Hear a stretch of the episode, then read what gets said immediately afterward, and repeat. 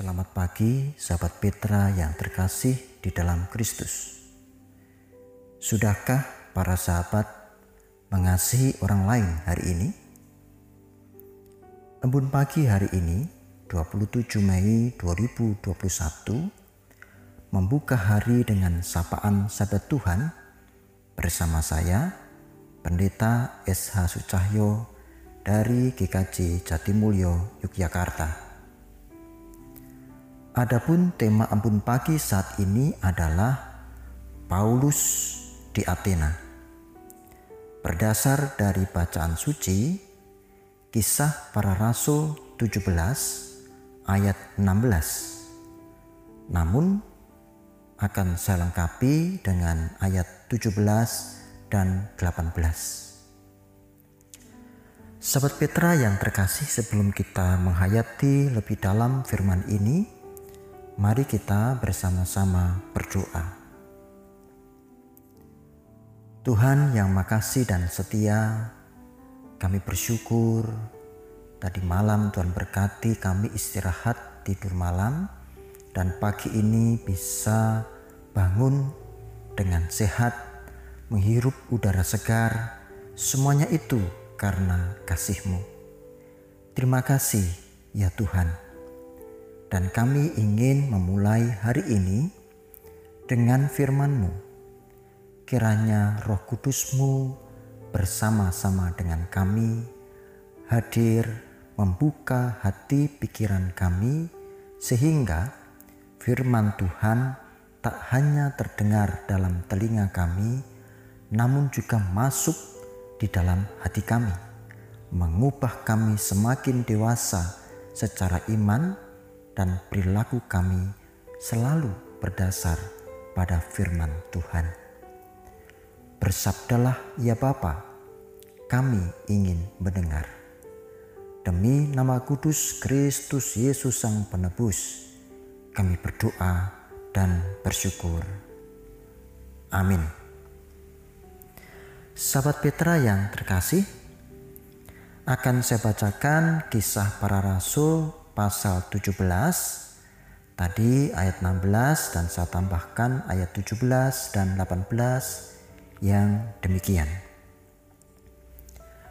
Sementara Paulus menantikan mereka di Athena, sangat sedih hatinya karena ia melihat bahwa kota itu penuh dengan patung-patung berhala. Karena itu, di rumah ibadat, ia bertukar pikiran dengan orang-orang Yahudi dan orang-orang yang takut akan Allah, dan di pasar setiap hari dengan orang-orang yang dijumpainya di situ. Dan juga beberapa ahli pikir dari golongan Epikuros dan Stoa bersoal jawab dengan dia dan ada yang berkata, Apakah yang hendak dikatakan si peleter ini? Tetapi yang lain berkata, rupa-rupanya ia adalah pemberita ajaran dewa-dewa asing. Sebab ia memberitakan Injil tentang Yesus dan tentang kebangkitannya. Amin. Berbahagia setiap orang yang mendengarkan firman Tuhan dan menghayati dalam kehidupan sehari-hari. Haleluya. Amin. Sahabat Petra yang terkasih, jika para arkeolog dan para cendikiawan zaman ini melihat apa yang dilihat oleh Rasul Paulus, pasti akan merasa tertarik dengan adanya patung-patung di Athena tersebut. Tentu mereka akan segera membawa peralatan-peralatan yang dimiliki untuk meneliti sebagai temuan yang begitu berharga. Namun teks Alkitab menyaksikan bahwa Rasul Paulus bersedih ketika melihat patung-patung itu. Mengapa? Mengapa Rasul Paulus bersedih? Sedangkan para arkeolog dan para cendekiawan modern saat ini merasa tertarik. Mari kita berhati-hati dan tidak segera menghakimi. Mengapa? Karena yang dipandang para arkeolog dan para cendekiawan modern berbeda dengan apa yang dilihat oleh Paulus. Saat ini yang dilihat para arkeolog dan para cendekiawan adalah kekayaan masa lampau yang masih bisa ditemukan di zaman ini jadi ketika melihat patung-patung atau candi-candi itu adalah hal yang menarik karena melihat kekayaan masa lampau yang masih ditemukan zaman ini. Lagi pula, arkeolog saat ini tidak hidup dalam ritual penyembahan terhadap berhala. Berbeda dengan Paulus, yang dilihat Paulus adalah perilaku orang-orang saat itu yang menyembah berhala. Paulus melihat banyak berhala dan terjadi penyembahan pada saat itu. Jadi persoalannya tidak pada patungnya, melainkan pada penyembahan terhadap patung berhala. Baik, mari kita masuk lebih dalam. Kita baca ayat 16. Sementara Paulus menantikan mereka di Athena. Sangat sedih hatinya karena ia melihat bahwa kota itu penuh dengan patung-patung berhala. Perhatikan saudaraku, bagaimana reaksi Paulus ketika melihat patung-patung berhala. Sebentar, yang dilihat bukan patung hiasan taman loh sahabatku, tetapi patung-patung berhala. Patung-patung yang memang dikhususkan untuk disembah. Bahkan disebut di sana kota itu penuh dengan patung-patung berhala.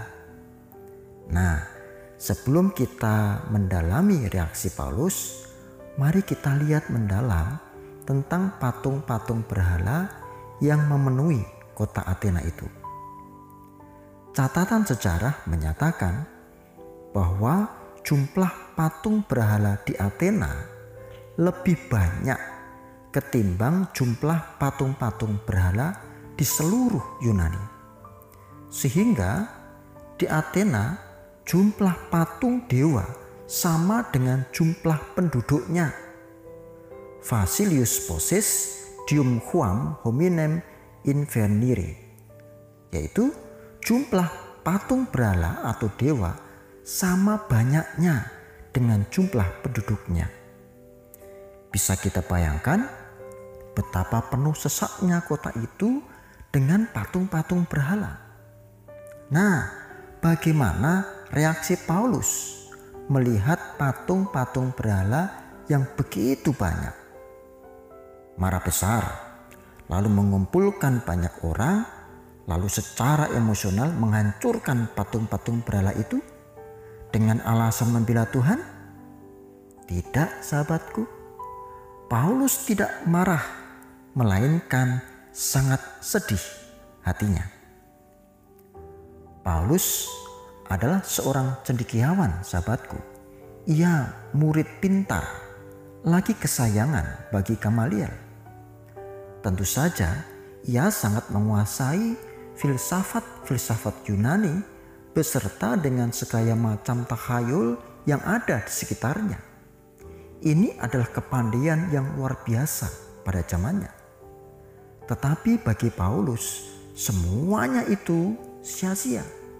Setelah ia mengenal Kristus, semuanya itu adalah sia-sia. Hikmat dunia terlalu bodoh bagi hikmat Tuhan. Untuk itulah ia bersedih. Ia bersedih karena melihat orang-orang bukannya memuliakan dan menyembah Tuhan, malah menyembah berhala. Menyembah pada sesuatu yang sia-sia. Ya sama seperti ketika kita melihat orang minta berkat pada sebungkah batu. Betapa bodohnya perilaku orang seperti itu orang-orang tersebut membutuhkan belas kasih. Demikian juga Paulus. ia berbelas kasihan pada jiwa-jiwa mereka yang diperbudak oleh iblis dan dijerat untuk menuruti kehendaknya. Dengan semangat membara dan penuh dengan belas kasih itu, Paulus tidak mendobrak kuil-kuil mereka, tidak merobohkan patung-patung mereka, dan juga tidak meruntuhkan misbah-misbah mereka, atau secara terang-terangan menentang imam-imam mereka. Paulus juga tidak berlarian di jalan-jalan sambil berseru, "Kalian semua adalah budak-budak berhala." Tidak, sungguh pun itu benar. Sebaliknya, ia mematuhi tata kerama dan menahan diri hanya melakukan apa yang dilakukan layaknya orang bijak. Dengan semangat membara dan penuh belas kasih, Paulus menggunakan cara lain, yaitu pertama, ia pergi ke rumah ibadat orang Yahudi dan orang-orang yang takut akan Allah. Ia berbicara tentang penantian Mesias ia bersoal jawab dengan orang-orang yang dijumpainya di tempat-tempat keramaian. Ia menyaksikan dirinya sebagai pengikut Kristus dan membawa nama Kristus sebagai Mesias bagi semua umat. Kedua, ia menjumpai ahli-ahli pikir dari golongan Epikuros dan Stoa. Sebentar, golongan Epikuros adalah golongan yang menganggap bahwa Tuhan sama persis dengan mereka, dengan manusia. Sedangkan Stoa adalah golongan yang menganggap bahwa diri manusia sama baiknya dengan Allah. Paulus sangat mendalami pandangan mereka itu. Dan kini Paulus mengajak mereka berdiskusi dan memberitakan tentang Yesus dan tentang kebangkitan Yesus Kristus itu. Sahabatku, dengan cara ini Paulus sesungguhnya sedang berusaha memperjumpakan kebenaran Kristus dalam pemahaman mereka yang keliru. Sehingga perubahan yang terjadi bukan disebabkan karena kekerasan yang kadang kala lahir dari keterpaksaan, melainkan pertobatan dalam diri, dalam hati mereka. Pertobatan mereka justru lahir dari hati yang melihat kebenaran Kristus. Ketika hati-hati itu diselamatkan, kehidupan mereka menjadi milik Kristus. Otomatis, kekeliruan ritual dan iman yang selama ini mereka lakukan hancur, tiada tersisa. Bukannya patung yang hancur, bukan patungnya yang hancur, melainkan iman pada patung yang dihancurkan. Sahabat Petra yang terkasih, apa yang bisa kita teladan dari sikap Paulus di Athena ini? Bukankah banyak berhala di sekitar kita saat ini? Tidak hanya patung, sahabatku, tidak hanya patung berhala, itu kuno.